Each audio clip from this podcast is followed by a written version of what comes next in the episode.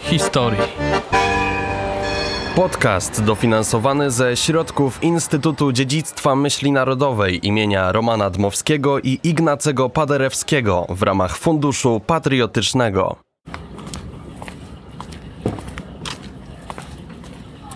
Ulica Juliusza Lea znajduje się w Krakowie w dzielnicach Krowodrza i Bronowice. Na początku nazwana ulicą Kościelną. W latach 1925-1952 Juliusza Lea, a w 1952 roku przemianowano ją na Feliksa Dzierżyńskiego. Do obecnej nazwy powrócono w 1990 roku. Jej długość wynosi 2 km i 600 metrów.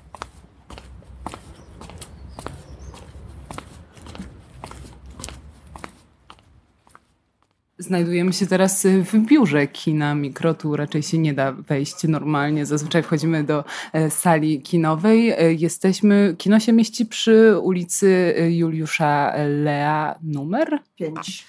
E, I kiedy powstało to kino? No właśnie, przy okazji któregoś lecia próbowaliśmy się dokopać, kiedy to kino zostało otwarte i znaleźliśmy taką notatkę w prasie, że E, ponieważ to kino było prowadzone przez milicję, cały ten budynek należał do, do, do milicji MSW, e, to taka notka, która brzmiała, że 1 sierpnia 1957 roku e, kino milicyjne zostaje otwarte dla ludzi, czyli dla zwykłych zjadaczy chleba. Nie wiem, co to oznacza. Czy wcześniej tutaj było już kino, ale służyło tylko tylko MSW, e, czy powstało już dla mieszkańców, tego nie wiem. Natomiast my datujemy jako kino studyjne, e, datujemy jakby nasze jubileusze od 1984 roku, e, bo wtedy to kino zostało przejęte przez ówczesną instytucję, która zarządzała wszystkimi kinami w, w Krakowie. I to kino powstało jako kino studyjne. W 1984 roku, w kwietniu, od tego czasu kino działa nieprzerwalnie. Kino studyjne może wytłumaczmy, bo teraz kina te zanikają. Było takie kino Ars w Krakowie, już tak. go e, nie ma, a kino mikro jest. Czym ono się różni od takich multiplexów? Hmm, czym się różni? No tak, e, staramy się dobierać repertuar, staramy się robić e, eventy, staramy się robić przeglądy, festiwale, no, kina studyjna jest ich siedem w Krakowie, jak się okazuje, czyli wszystkie kina tradycyjne to są kina studyjne już w tej chwili. No, mają, każdy ma swój inny klimat. No, multiplexy to jest tak, że to jest jeden szymel, jak KFC czy McDonald's, prawda, na całym świecie. A, a kina studyjne, no każdy, każdy robi jakby swoją, swój klimat, swoje imprezy, mimo iż one są częściowo podobne, no ale bazujemy na tym, na, na czym możemy. No, y, filmy, które, które gdzieś są kupione do dystrybucji w Polsce. Z tego próbujemy zrobić w miarę atrakcyjny repertuar, oprawiając czasami, tak jak mówię, robimy mikrofeminizację, kino psychoanaliza, pora dla seniora, i tak dalej. Jest tego trochę. Pani się zajmuje tymi inicjatywami? Pani e, dobiera repertuar? E, ja się zajmuję repertuarem. E, tutaj koleżanka też pomaga mi w, w oprawie niektórych wydarzeń. I jaki jest klimat kina mikro w takim razie? Mówiła Pani, że każdy z kin studyjnych ma swój, ma swój klimat. klimat. No jaki jest klimat? No właśnie, to jest trudno powiedzieć. Pewnie ktoś, kto przyszedł z zewnątrz, by miał więcej do powiedzenia. Ja tutaj pracuję od 30 lat i dla mnie po prostu jest to kino. Znam tutaj tak naprawdę każdą, każdą śrubkę, natomiast no, myślę, że to kino jest takie przyjazne ludziom. No, y, staramy się, żeby klient jak do nas przychodzi, to żeby sobie też umiał z nami porozmawiać. Jak chce oczywiście, żebyśmy my umieli porozmawiać, przepraszam, z klientem, czyli polecić filmy. Ja niejednokrotnie przychodzi ktoś i pyta się, czy to jest film dla tej osoby, a ponieważ znam głos, mówię, że niekoniecznie, że jak pani, miałam takie klientki tutaj, żeby tam nie było szczelanki. Ja mówię, oj, to proszę na ten film jeść. No i tych klientów sta stałych mamy, widzów y, trochę. Niektórzy mają swoje ulubione miejsca, siadają tylko w, powiedzmy w siódmym rzędzie pierwsze miejsce albo tylko w pierwszym. Przychodzą od lat do nas. Ja myślę, że podobnie jest w wielu innych kinach, że też y, ludzie tam po prostu przychodzą, bo lubią da, dane miejsce. Dwie sale są tutaj w kinie mikro? Tak, mamy taką malutką salę na 14 miejsc i tą zasadniczą, która była tutaj już od początku, duża na 123 miejsca, mimo iż kino było nazwane mikro wtedy, czyli pewnie było jedno z mniejszych e, w tych latach 80., no bo były wtedy i, i znaczy sztuki akurat nie było, ona była w ciągłym remoncie, a, czyli Arsu też nie było wtedy, no ale była uciecha wielka, była Wanda Wielka, było Atlantik, czyli wtedy to się nazywało Warszawa, no nie mówiąc już o Kijowie, więc my takie mikro, mikro byliśmy. Powiedziała Pani, że pracuje tu Pani e, około 30 e, no, lat. 30 parę lat. Tak. 30 parę lat. Jest jakieś takie wydarzenie tutaj związane z kinem, które miało miejsce, które jakoś Pani utkwiło w pamięci? No, pewnie jest ich mnóstwo.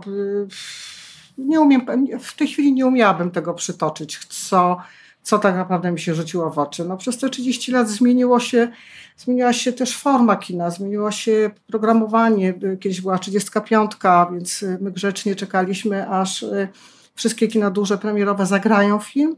Potem dopiero my tam w czwartym, piątym rzucie y, mogliśmy się doczekać y, na, y, na, na, na, film, ale też dużo ściągaliśmy wtedy z Filmoteki Narodowej.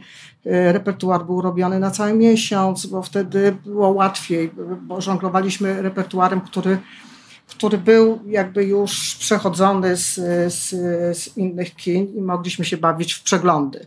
E, odkąd nastała era cyfry, e, no to już teraz mamy dostęp do filmów premierowych, a przede wszystkim te filmy premierowe też mają krótki żywot e, w kinach, bo tak naprawdę po dwóch tygodniach często gęsto film schodzi z ekranów, a po czterech miesiącach jest już dostępny, już teraz nie na DVD, ale na VOD, ewentualnie w telewizji, więc jakby skurczył się czas filmu w kinie, ży, ży, życie filmu w kinie. A y, zainteresowanie tutaj, zakładam, pani powiedziała, że dużo stałych, y, powiedzmy, odwiedzających kino mikro jest, ale na przestrzeni tych 30 paru lat y, to zainteresowanie kinem i oglądaniem filmów w kinach wzrosło, zmalało, jest takie samo. To jest falująca zabawa, chyba, takie odnoszę wrażenie, bo w latach 80., kino 90., y, kino pękało w szwach. Potem było takie początek 2000 lekkie załamanie rynku, ale to jakby odnotowały wszystkie kina. Wprowadziły się multiplexy, więc wiadomo, że że jakby część ludzi się y, przeniosła, ale multiplexy tak naprawdę spowodowały też to, że ludzie zaczęli chodzić do kina, bo nie każdy lubił chodzić do takich tradycyjnych kin, albo, albo często nie wiedział o nich tak naprawdę. O takich małych jak mikro, to, to y, ja do dzisiaj, jak czasami z kimś rozmawiam, to Jezus, to kino jeszcze istnieje, albo gdzie ono jest. więc takie rzeczy się zdarzają. I z tą frekwencją to jest właśnie takie falowanie troszeczkę, więc potem znowu ludzie przychodzą. Teraz była pandemia, więc y, troszeczkę nam się ten rynek lekko załamał. Ja już nie mówię o tym, że byliśmy zamknięci, ale też nie powstawały takie filmy, które by przyciągnęły ludzi do kina. E, no bo wiadomo było, że cały świat stanął nagle na, na dwa lata tak naprawdę i y, nikt też nie produkował dużych, y, ciekawych tytułów ten rynek się powoli odradza i myślę, że, że ludzie wrócą do kina, że zejdą z tych kanap, z tego Netflixa i będą chcieli jednak przeżywać wspólnie, a nie osobno. I pani tutaj ma z gabinetu piękny widok na Park Krakowski. Oglądający są falami, ale pani jest stale od 30 paru lat. To jeszcze na koniec zapytam, bo tutaj adres Juliusza Lea. Jak to kino pod tym adresem się prowadzi? Czy ulica sprzyja, nie sprzyja, spokojna ulica, niespokojna? W tej chwili już spokojna. No kiedyś, y, dawno, dawno temu, jak to jeszcze było Dzierżyńskiego, no to było troszeczkę tutaj tak y, ciemnawo, że tak się wyrażę. Park Krakowski był raczej takim parkiem, którego się ludzie bali y, wtedy. No, a w tej chwili no, już to wygląda normalnie, więc z mojej perspektywy nie ma się czego bać, nawet jeżeli jesteśmy troszkę schowani, nie jesteśmy tak jak barany w rynku czy, czy kijów przy, przy froncie ulicy, to, to jest tutaj według mnie miło, bezpiecznie i spokojnie. Czy postać Juliusza Lea jest Pani znaną postacią? W ogóle w Krakowie jest znaną postacią? Gdzie ale- wiedzą, kim był? Myślę, że nie wiedzą, że, że Juliusz Leon był prezydentem y, y, przez chwilę Krakowa, natomiast mało kto wie. No, y, to kino tak naprawdę było y, zawsze pod, y, znaczy powstawało pod adresem Dzierżyńskiego 5.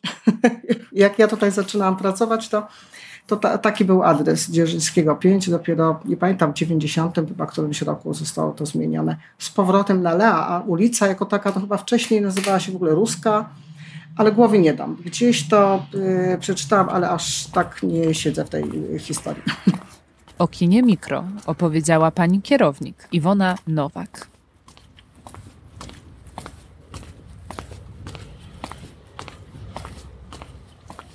Weszłam właśnie do kiosku przy ulicy Lea. Jaki tutaj jest konkretnie adres? Koło bloku 75. Koło bloku 75 i tutaj pan zawiaduje e, tym kioskiem. Dzień dobry. Dzień dobry pani. E, To jest kiosk wielobranżowy, czyli można tutaj zakupić wszystko? I od kosmetyków do gazet. Od kiedy kiosk istnieje tutaj? 30 lat. I pan 30 lat go prowadzi? Tak, jestem 30 lat. Tutaj jestem, sprzedaję i dobrze się czuję. I jak się ta ulica zmieniła przez te 30 lat? I przede wszystkim nawiesia się wymieniła, chodniki są porobione. Także przyjemnie jest, dużo zieleni. A ludzie, e, którzy przychodzą do kiosku, e, sympatyczniejsi od 30 lat, czy mniej sympatyczni? Znaczy się, stała się większa rotacja teraz. Y, Starsi pomierali, młodsi tak przelatują, tylko są zagonieni. Jak ten świat cały są zagonieni. Także różnica jest na to, że indywidualność znikła. Przedtem można było porozmawiać bezpośrednio z ludźmi, a teraz nie ma takiego kontaktu już. E, Czyli nie rozmawiają i anonimowość sobie cenią. Tak, co kupi, potrzebuje od... i odchodzi sobie. A e, są jeszcze jacyś tacy klienci, których pan e, zna dobrze? No to już można powiedzieć na palcach policzyć pierwsi klienci, którzy byli tutaj, także już zanikają. A jak e, taki kiosk się prowadzi? Bo tu konkurencja duża. Tutaj przychodziłam przed chwilą chyba Carrefour, tam jest e, na rogu, duże sklepy, a pan tutaj e, no, e, mniejszy jest. Jak to mówią, szmarz, mydło, powidło, troszkę się sprzeda, no nie ma kokosów, ale możliwości przetrwania, już emerytura dochodzi, także do emerytury dociągliśmy. Dociągliśmy do emerytury, ale widok pan z kiosku ma piękny. Właśnie, dlatego widoku też warto czasami poświęcić, nie myśląc o pieniądzach, tylko właśnie o tej, jak pani mówi, widok, radość, czasami jeszcze klient przyjdzie, coś dobrego słowo powie, także jest przyjemnie. Patron ulicy jest e, panu znany? I to znaczy, jako, jako Lea, no wiele, w tej chwili to nie powiem nic więcej na ten temat. W innych myślach jestem, także nie będę szukał w pamięci. Bardzo serdecznie dziękuję. Pan Bogdan prowadzi tutaj piękny kiosk. Jest wszystko, szwarc, mydło i powidło, ale e, takie najbardziej potrzebne e, rzeczy przy ulicy e, Lea numer. Koło bloku 75 serdecznie zapraszam. A ten piękny widok, który pan Bogdan ma ze swojego kiosku, rozciąga się na park imienia świętego Wincentego a Paulo. A o tym, kim był patron ulicy, opowiedział dr Krzysztof Jabłonka. Juliusz Leo to jedna z ważniejszych e, postaci dla To jest Krakowa. najważniejsza w Krakowie. On ma rangę trochę em, prezydenta Starzyńskiego w Warszawie. Jest e, na tyle ważną postacią, że no właściwie Kraków mu prawie wszystko zawdzięcza, e, czym się stał e, w okresie e, u progu niepodległości Polski. Urodził się 15 września 1861 roku w Stebnikach, to gdzieś koło Krakowa zmarł tuż przed odzyskaniem niepodległości. Notabene zmarł na serce. Będziemy o tym mówić. Miał udar mózgu wcześniej i zabiła go wiadomość o, e, o kolejnym rozbiorze, tym razem kongresówki w lutym 1918 roku. Kraków przeżył to niezwykle, ale podobno swoją śmiercią, przed swoją śmiercią zapowiadał, że będzie niepodległa Polska. Choć trzeba przyznać, że akurat w lutym 18 roku najmniej się zapowiadało na tą niepodległą, bo nam rozebrano nawet to, co był. Kim on był? Był przede wszystkim ekonomistą i to świetnie. Był prawnikiem, został prezydentem miasta Krakowa i bardzo długo, właśnie do śmierci, pełnił ten urząd. Jako prezydent stał się przewodniczącym Narodowego Komitetu, Naczelnego Komitetu Narodowego e, w sierpniu 1914 roku, który uratował mm, pierwszą kompanię kadrową i pierwsze zalążki wojska, które zawiązał Piłsudski. No niestety w kongresówce nie wybuchło powstanie kieleckie czy świętokrzyskie, właściwie było zawieszone przez Piłsudskiego i wtedy Naczelny Komitet przyszedł mu z pomocą, powołując legiony polskie. Był on synem górnika i związany był z Wieliczką. Był nadzorcą sali. I e, tenże właśnie jego ojciec w trosce o syna e, z tychże stebników i poprzez Wieliczkę, gdzie, gdzie był e, sztygarem, przeniósł się do Krakowa. I tutaj ukończył prawo na Uniwersytecie Jagiellońskim, a następnie ekonomię w latach 1885-87 w Berlinie że świetnie władał niemieckim. To była rodzina pochodzenia e, niemieckiego lub niemiecko-austry, znaczy niemiecko-austriackiego, a niektórzy twierdzą nawet, że szwajcarskiego. W 1887 roku e, założył własną praktykę adwokacką i obronił habilitację z prawa skarbowego. W 1891 aż do 1904 roku był profesorem e, prawa na Uniwersytecie Jagiellońskim. Od 1893 roku był członkiem Rady Miejskiej Krakowa, a od 1901 wiceprezydentem miasta Krakowa. 7 lipca 1904 roku wybrano go na prezydenta miasta Krakowa, którym był aż do śmierci. Tu trzeba przyznać, że był to najwybitniejszy prezydent miasta Krakowa. Ma swój piękny plac przy placu Wiosny Ludów, oraz wspaniały, dwuczęściowy nawet pomnik y, w innej części Krakowa, o której wspomnimy. Cesarz Franciszek Józef 25 lipca 1904 roku zatwierdził jego wybór na prezydenta miasta Krakowa. W ostatniej kadencji na 88 y, osób głosujących, aż 86 wybrało go na prezydenta.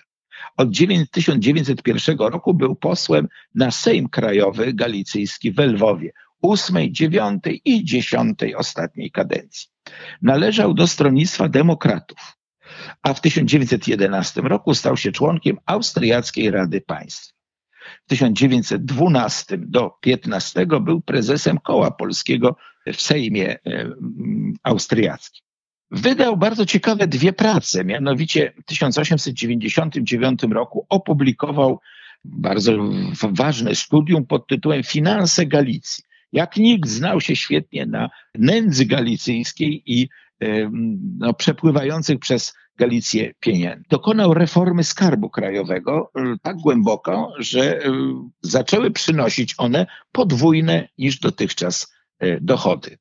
W 1894 roku, więc nieco wcześniej, poślubił Cecylię Wilhelminę, Wilhelminę Klęskę, e, która bardzo długo żyła po jego śmierci. On zmarł właśnie tak dość nagle, ale do 1947 roku żyła w Krakowie. E, pani Leowa, jak mówiono, była bardzo ceniona i bardzo e, z racji osiągnięć męża, ale i swoich własnych. Zakupił kamienicę przy ulicy Loretańskiej 8 i tam dochował się pięcioro dzieci, trzech synów i dwie córki. Jednym z jego wnuków jest słynny e, historyk sztuki Andrzej Fischinger. W 1917 roku dotknął go po raz pierwszy atak serca, a w 1918 roku na wiadomość o tym, że w Brześciu podczas traktatu z bolszewikami e, i z Ukrainą e, dokonano rozbioru kongresówki, 20 lutego dostał ataku serca i zmarł e, w szpitalu. Zasłynął z bardzo wielu rzeczy. Przede wszystkim w 1905 roku dokonał bardzo szerokiej, jakbyśmy to dzisiaj powiedzieli, kolekty, czyli zbierania pieniędzy społeczeństwa. Dawały wszystkie środowiska, nawet przekupki kwiatowe na rynku krakowskim przyniosły pieniądze do ratusza. Na co? Na wykup z rąk armii austriackiej naszego wspaniałego zabytku, jakim jest Wawel. Całe wzgórze zostało wykupione, stało się w zasadzie niepodległym miejscem. Tam nie miała wstępu policja e, austriacka, tam urzędowali już Polacy. W 1907 roku natomiast zasłynął z nieprawdopodobnej rzeczy, mianowicie stworzył tak zwany Wielki Kraków, czyli do maleńkiego obszaru, które miało zaledwie 7 kilometrów kwadratowych, dołączył 14 nowych dzielnic i powiększył miasto z tych siedmiu do 47 kilometrów kwadratowych. Właściwie dopiero od tego momentu Kraków jest porządnym, wielkim miastem polskim. Przeprowadził regulację brzegu Wisły i przesunięcie y, koryta rzeczki Rudawy, która przez Kazimierz, y, między Kazimierzem a Krakowem y, płynęła w, w tym, przeprowadził kanalizację i zaprowadził wodociągi. Usprawnił i właściwie z, zreformował komunikację miejską, wprowadzając tramwaje, w tym najpierw konne, a później tramwaje elektryczne. Wreszcie zwiększył, jak już wspomniałem, wskutek swojej właśnie e, pracy czy analizie, e, ośmiokrotnie finanse krakowskie, wpływając na rozwój finansów całej Galicji. E, zasłynął jako budowniczy trzeciego mostu na Wiśle, elektrowni oraz wielu nowych ulic i, i placów. 1913 roku doprowadził do otwarcia dworca towarowego Kraków Główny. No, w 1914, jak wspomniałem, wziął udział w zawiązaniu Naczelnego Komitetu Narodowego, właściwie był jego prezesem, który sfinansował uzbrojenie legionów polskich, wystawiając darowiznę na milion koron austriackich. Jego pogrzeb był ogromną patriotyczną manifestacją zapowiadającą niepodległość Krakowa. Kraków był zresztą pierwszym wyzwolonym miejscem w Polsce, gdyby ktoś chciał wiedzieć. 20, 30 października 1918 roku. Ma piękny grobowiec na cmentarzu Rakowickim, a na terenie Krakowa wystawiono mu e, pomnik Dłuta, Bodyny i Podczaszego. Znajduje się on e, na skrzyżowaniu ulicy Józefińskiej i Nadwiślańskiej na krakowskim Podgórzu. Podgórze to tak jak dla Warszawy Praga, to jest z, z, dzielnica za Wisłą.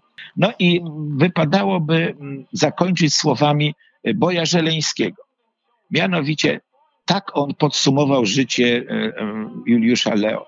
Dał on miastu ramę dla rozwoju na najbliższe jego 100 lat. Przekona się, każdy dzień dobry ci powie, lampy uroczą cię. Są tam cudowne zabytki,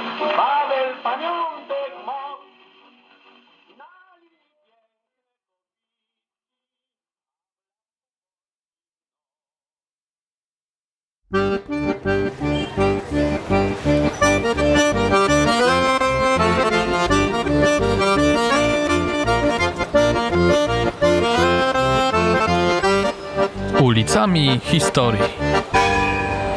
Podcast dofinansowany ze środków Instytutu Dziedzictwa Myśli Narodowej imienia Romana Dmowskiego i Ignacego Paderewskiego w ramach Funduszu Patriotycznego.